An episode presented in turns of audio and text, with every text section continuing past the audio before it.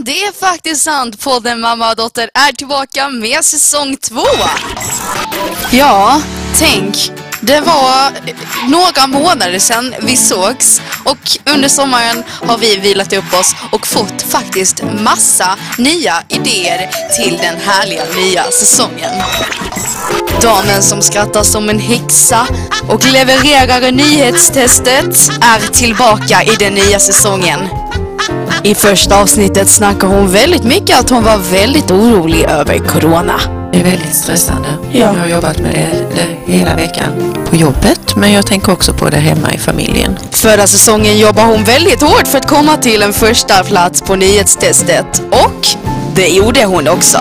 Vinnaren av nyhetstestet i podden Mamma och Dotter är Nu har hon vilat upp sig under sommaren och är redo för en ny säsong. Äntligen är jag tillbaka! Jag är äntligen tillbaka!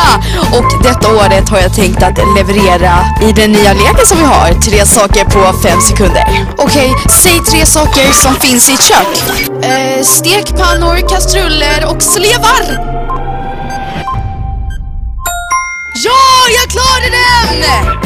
Som ni hör så är jag lika taggad som min mor på en ny säsong, eller hur mamma?